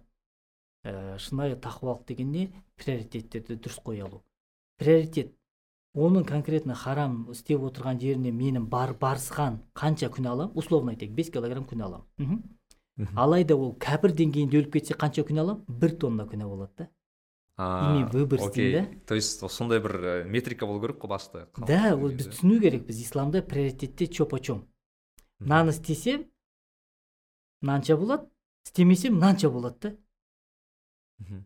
Е онда мен мынаны мойындаймын алла деймін кешір мені шынымен мен шынымен бір ләззаттанбаймын ол атмосферадан но маған бару керек өйткені сен ұлық дінім бар сенің ұлық сөзің бар олардың жүректеріндегі күпірлігі бар исламға деген жек көрініштері бар оларды осы аудиторияда осы атмосферада біріккен кезде бәлки олар жылына бір ақ рет бірігеді сол кезде барып ақырындап әңгімелесіп тамырларын басып ортада. Как минимум ислам туралы жаман айтқызбас үшін ортада жүру керекпіз да біз. Ялғаннан айтпаса да оның жақсы өзі құтқарылған болып саналады да. Не то что прям әулие болып кетеді. Әулие болып кетпейді. А егер екі аптадан кейін бәрі дұрысталған кезде сұрақ туындаған кезде сразу еске түссін а алдындағы кебел ғой. Біз осында отырған кезде нормальный жігіт сол бар ғой. Радикал емес деп өзі звондайды да. Иә сен звондаған кезде уже сөз- сөзге тартасың. А егер сен изначально бармасаң өзін бес жертвовать етпесем бес, бес килограммдық күнәға разымын адамдардың иманын құтқарсам соған қуанам десең енді абу бәкір радиаллаху анхудың да мәселесі ғой енді алайда бұл спорный вопрос сразу айтып қояйын иә ол әрине мынандай мәселе да там ә, енді мені денемді үлкен қылу мәселесі да. Ә, тозаққа менен басқа ешкім кірмесін дейді. Енді бұл әртүрлі әңгіме айтуға болады. Типа тозақтың азабын менсінбеді ме жоқ абубакр конкретно түсінген ол состояниені. Алайда ол кісі дерттен айтқанда бұл образный бір сөйлем да негізінде ше. иә. Ол қандай дерт? Алла деген адамзатта кәпір болған бір адам қалдырма. Мен настолько переживать етем что мен разымын жалғыз мен ғана народта отырсам қияметке дейін ешбір адам бармаса. Бұл өзінің іштен шыққан дерттің мәселесінен шыққан бір образдың бір сөйлемі да оны тікелей қабылдап та керек жоқ. Состояние души дейді ғой сондай иә состояние крик души да. Прям на что ты готов? Мысалы алла айтса нәрік би 19 миллион сразу жәннатқа кіреді короче. Выбор істе десе сен дайынсың ба? 19 миллионның иманын құтқаруға? сондай сұрақ қой да ол жерде. Да. 19 миллион халықтың иманын құтқаруға сен 5 килограмм күнәға барасың ба десе барасың. Өйткені 19 миллион күнә ә, иман сақтау ол миллиард миллиард күнә тонна да негізінде. Иә. Біз осындай приоритеттерді дұрыс қойған кезде шынайы тақуалық осындай кезде көрінеді да негізінде. Мхм. Так условно қағидамен қатқалу емес иә кейде болады жертвовать етесің реально жертвовать етесің приоритеттерді дұрыс қоя алу керек. Исламдағы құндылықтардың деңгейлері бар. Условно айтайық намаздың деңгейі бар зекеттің деңгейі бар ғой.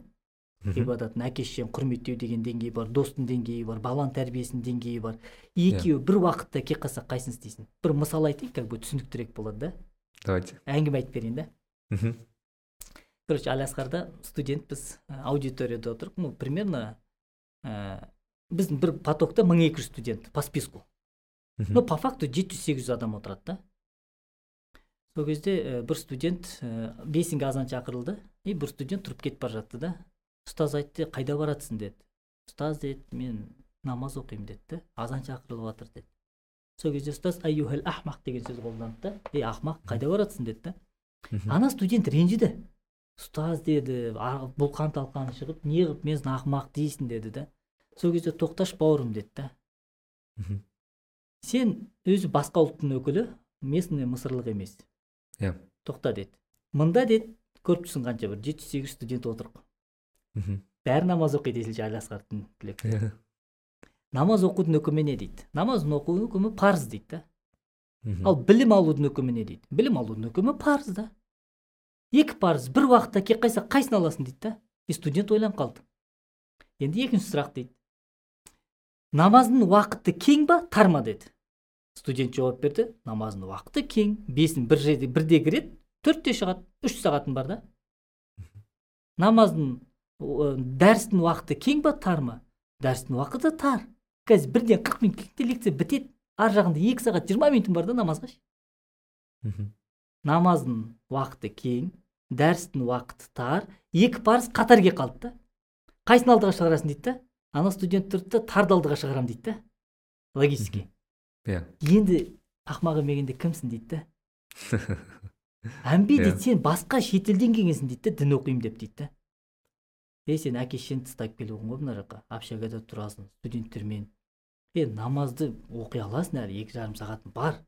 Но мына дәріс сен өлгенше дейін қайталанбайды дейді да. Иә. Бітеді бұл дәріс қазір жиырма минут шыдасаң. И одан кейін де уақытың бар да бесін оқуға. Олай болса екі парыз қатар келген кезде осындай өлшемдер бар да. Шынайы тақуалық шариғаттағы приоритет үкімдердің деңгейлерін білу экстренный жағдайда бір бірімен екі деңгейі қатар келіп қалған кезде осы инструменттерді дұрыс қолданып дұрыс шешім қабылдау. Ол да сүннет бойынша. Осыны мен практикадағы тақуалық дер едім да. Немесе астарет алу астарет алу да. Там қыстың күні да там суық сумен жуынып подмываться ету мәселесі. Ол ақымақтық иә. Иә қаласың ғой. Ол ауырып қаласың. Ол сүннет иә понятно сүннет брат. Но только денсаулықты сақтау парыз ғой. Сүннет істеймін деп сен парызды қиратып жатрсың ғой. Иә. То есть осындай нюанстарды білу керекпіз да.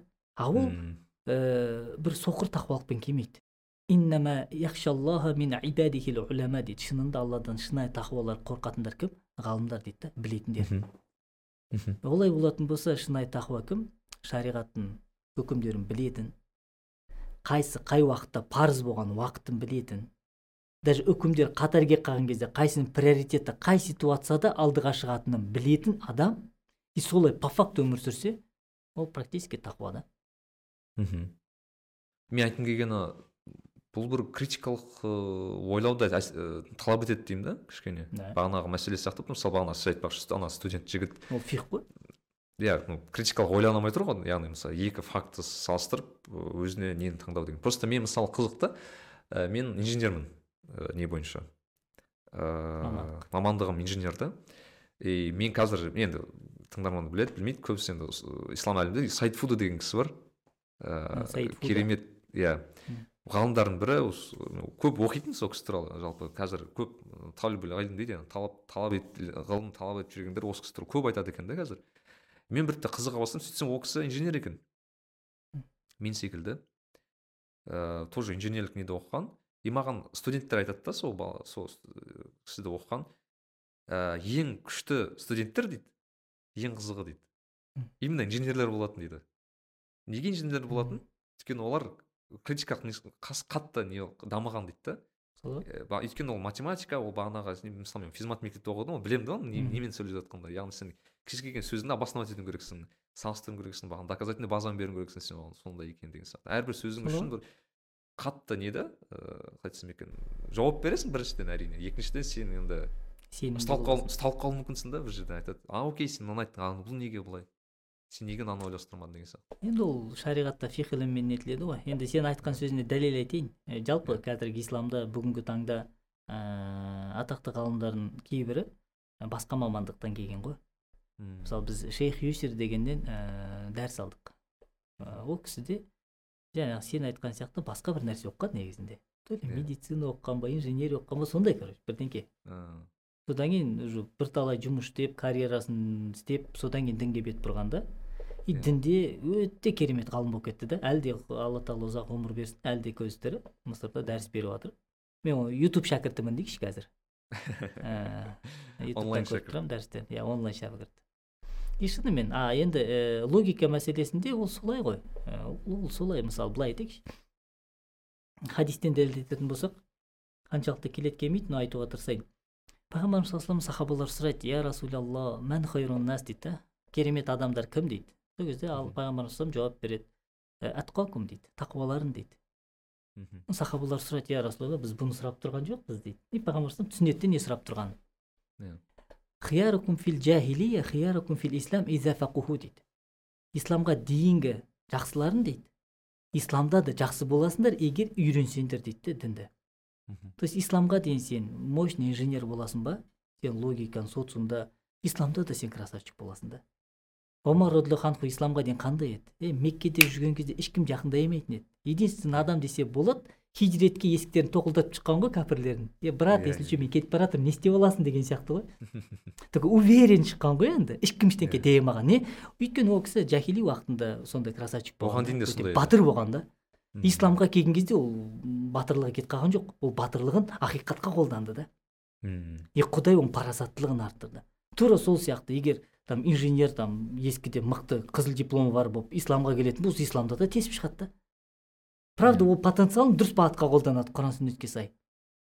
Егер біреу чемпион да там олимпиада чемпион не знаю призер өзінің спортсмен дисциплинасын мощный спорт залдың атмосферасын сезеді ол исламға келеді исламда да чемпион болады. Мен саған айтайын біздің 2005 жылы по моему екі адам ә, нұрмұбаракта или төртеу ә, қызыл дипломға бітірді да. Что интересно олар как бы конкретно біреуі сол төрт адам біреуі қарағанды интернатында оқыған да тоғыз жыл спортсмен кмс та. То есть М. чемпион еді да по жизни чемпион. Иә. Ол университетте де чемпион болды да. И мен сенімдімін ол кісі мешітте де чемпион да имею в виду. Ол лидерство качестволары бүткіл жерде проявляться етеді. Правда уже жақсылықта? Иә. Бұрында гоп стопқа қолданса ол качествоны а қазір уже жақсылыққа қолданады да. Иә. Тура сол сияқты ол адамның ба- бар қабілетін просто ислам ұштап дұрыс бағытқа қолданады. Ол алла тағаланың несі ғой? И шынымен инженерлар дінді оқыса жақсы бола ма? Мен айтар едім инженерлар демеуші едім. Мен айтар едім мықты мамандар инженерияны әрине әрине такой средний оқығандар ол бүткіл жерде средний болады да тут уже не поспоришь. Иә андай не сияқты ғой өзі қалай айтсам екен. Ыыы IQ жоғары болған адамдардың SQ да жоғары болу керек қой негізі былай ойлансаң просто айтып келген сол да. однозначно? Иә. однозначно?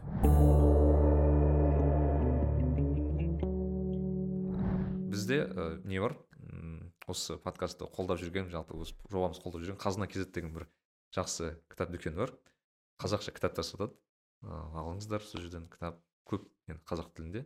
Ә, соңғы кездері біз қазақ тілді кітаптар көп дамып жатыр да. Байқасам енді көп қайрат ағам кітап шығарып жатыр бағана көптеген. Сіз сіз кітап жаздыңыз деп білсем иә? Ә, біздікі аударма ғой. ну, енді все сіздің атыңыз бар ғой енді кітап. Жалпы өте кітап жақсы көп шығып жатыр ыыы сіз өзіңіз қандай кітаптарды ұсына алар едіңіз деп ой- ойлайсыз қазір қазіргі оқырмандарға жалпы. Өйткені біз кейін осы кітаптарды мүмкін ойнатамыз. Вот. Мынандай мәселе ғой. Ә, Мгм. жалпы мен осы өткен айда Иә. сол кітапты беріп қойдым уже. Біреуге сыйлап жібердім. Иә. өткен айда бір кітап бастадым. Ол кітапты мен екінші рет оқып жатырмын негізі бірінші рет мен оқығанмын студент кезімде. И жақында мен соны тағы оқиыншы деп шешім қабылдадым. Тағы оқыдым бітпей қалды біреуге беріп жібердім. Бұйыртса оны тағы сатып алып тағы бітіріп тастау керек болып тұр да. Иә иә. Ә, ол кітаптың аты ұшқан ұя бауыржан момышұлы. Иә. мен бұл мағынада мен айтар едім мен бауыржан момышұлы атамыздың фанатымын десем болар едім. Ол кісіні мен енді құдай біледі ол кісіге ол кісі жайлы жазылған ол кісінің өзі жазған кітаптерін енді бәрін деп айтпаймын. Шамам жеткенше көбісін оқыдым. Өйткені ә, волоколамское шоссетан кейін александр бектің. Иә. маған прям өтті ол кітап ше.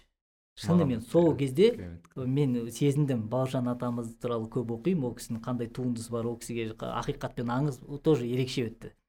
Олай болса соңғы менде қазір ұшқан ұя ұшқан ұяның құндылығы неғып мен екінші рет оқып жатырмын маған ұнайды ол кісінің әжесімен әңгімелесуі ә, ә, ә, отбасы институтының қазақ халқындағы сол уақыттағы қалай болғаны туыстық қарым қатынастары ағасы мен інісінің отношениясы қарындастарымен ойнаулары. То есть маған осы жақтан қызық болды. Өйткені бізге енді біз айтамыз ғой қазір қайнар бұлағымызға қайтайық салт дәстүрімізге қайтайық е, қайда қайтамыз? Жоқ қой бізде десек сол кезде ұсынатындай бір екі нәрсе керек та өзімізде ше. Енді да бізде қазір шабылған енді бар тамырымыз кішкентай соған су құйып тереңдету керекпіз да олай болса классикалық әдебиетке қатты көңіл бөлу керек. Ал бұл бапта өзіме өте қатты ұнаған бауыржан момышұлының ұшқан ұясы. Шынымен өтті шынымен керемет туынды. И мен сенімдімін. ол кісінің александр бекке айтқан шарты бар ғой. Иә мен иә сексерем сен егер бір сөйлем бір сөз артық болса қолын сындырамын деп. Сол Иә, шартқа келісіп барып ә, жазады ғой автор. И мен сенімдімін. ол кісі өзі жазған кезде де өте керемет стопроцентно достоверный информацияға деп сенемін да ол кісіден шыққан мәселе. Өйткені ол кісінің табиғаты сондай еді да мхм. Сол кітап қысқаша ұшқан ұя иә. бауыржан момышұлы иә мүмкін ыыы шартын жазамыз ә, жа- ең жақсы жазылған ютуб комментарийға ұшқан ұяның бірнеше данасын сыйлайтын боламыз. Иә. Өте керемет. Өкінбейсіздер оқысаңыздар. Иә керемет кітап. Жас балалар екінші екінші сұрақ мынандай ә, осы соңғы жылы айтайық соңғы бір жыл екі жылда сізге ең жақсы өзіңізге пайдалы болған бір инвестиция туралы айтсаңыз. Инвестиция дегеніміз иә кітап болсын ә, киім болсын бағанағы сатылған телефон болсын енді түрлі түрлі заттар бар ғой. Бірақ қандай нені сіз өзіңіз жақсы деп санадыңыз өзіңізге өте пайдасы тиді деген айтсам болады. Зат туралы айтатын болсақ материалдық. Үйлену жары жата ма осыған деп па? Ә, ол мағынада айтар едім. Ә, ә, мысырға бару. Мысырға бару не бару поездка емес маған маңызды. Ә, барған кездегі ұстаздармен кездесіп ә, бізде кампинг форматында өтті де бірнеше күн ә, ұстаздар кездесіп дәріс алдық. И мен сол кезде бір жылағым келді да сол он жыл бұрын ұмытылып қалған сезімдердің ноталары қайтып ойнап кетті да Ә, үлкен да үлкен ғалымдардың алдында отырып дәріс тыңдап оны лекцияны жазу.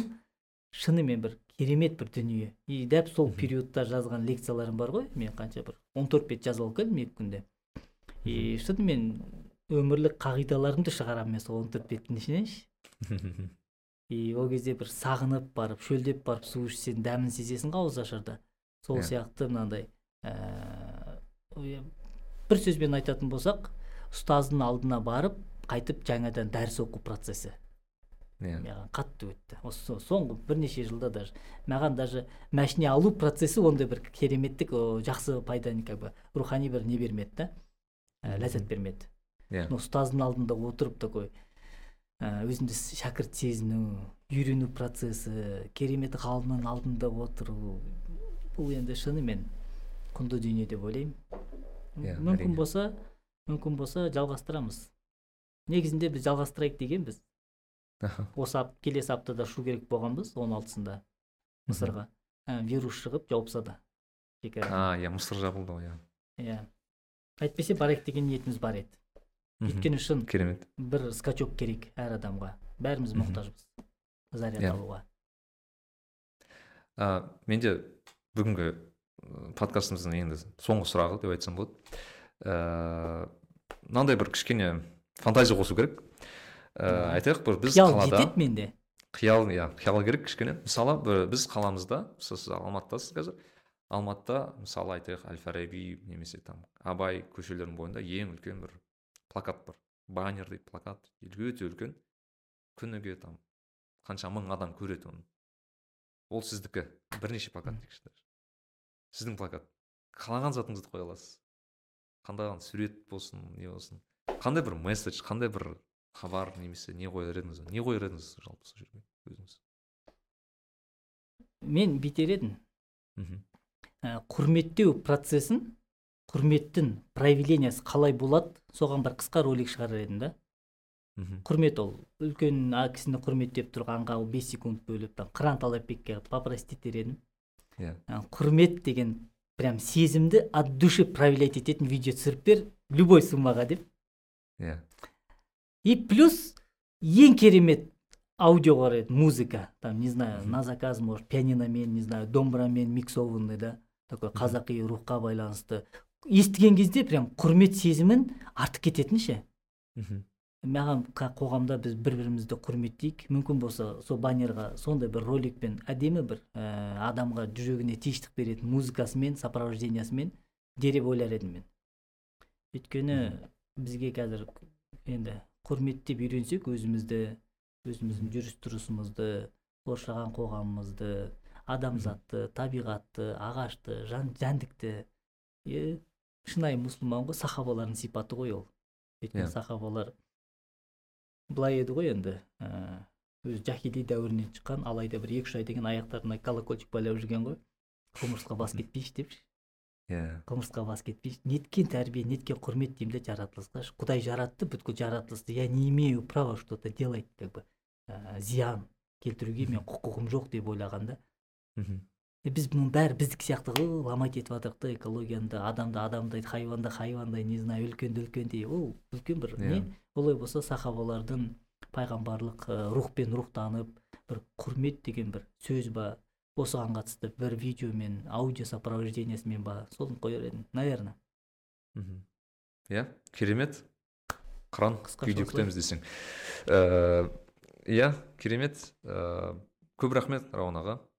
Пайдалуу болсун Ә, өте пайдалы болды. Яғни пайдалы деген затты мен былай түсінемін. Пайдалы деген зат ол естіп оны кейін өмірде қолданылатын затты пайдалы деп есептеуге болатын шығар так что да өмірінде отражаться етілген дүние ғой. Өмірге иә. Сондықтан өмірде қолдануға тырысайық рауна аға алла разы болсын сізге осындай уақытыңызды бөліп осындай бір ерекше форматта бүгін түсірілім жасадық. Алла қаласа пайдалы болды деп есептеймін. Өзіме біз ғой нәрік бір бата иә. беріп батамен бітірейік иә, иә субханак бихамдик нашаду ан ла иляха илля анта настағфирука ва натубу бисмиллахи рахманир рахим والعصر إن الإنسان لفي خسر إلا الذين آمنوا وعملوا الصالحات وتواصوا بالحق وتواصوا بالصبر اللهم أعز الإسلام والمسلمين وأذل الشرك والمشركين اللهم استخدمنا في هذا الشأن اللهم بارك لنا فيما رزقتنا وقنا عذاب النار اللهم إنا نسألك الهدى والتقى والعفاف والغنى وآخر الدعوانا الحمد لله رب العالمين аумин жақсылықта жолыққанша көп рахмет иә очки көп рахмет. очки тағатын очки тағатындар бетті басқаша сипайды дейді ғой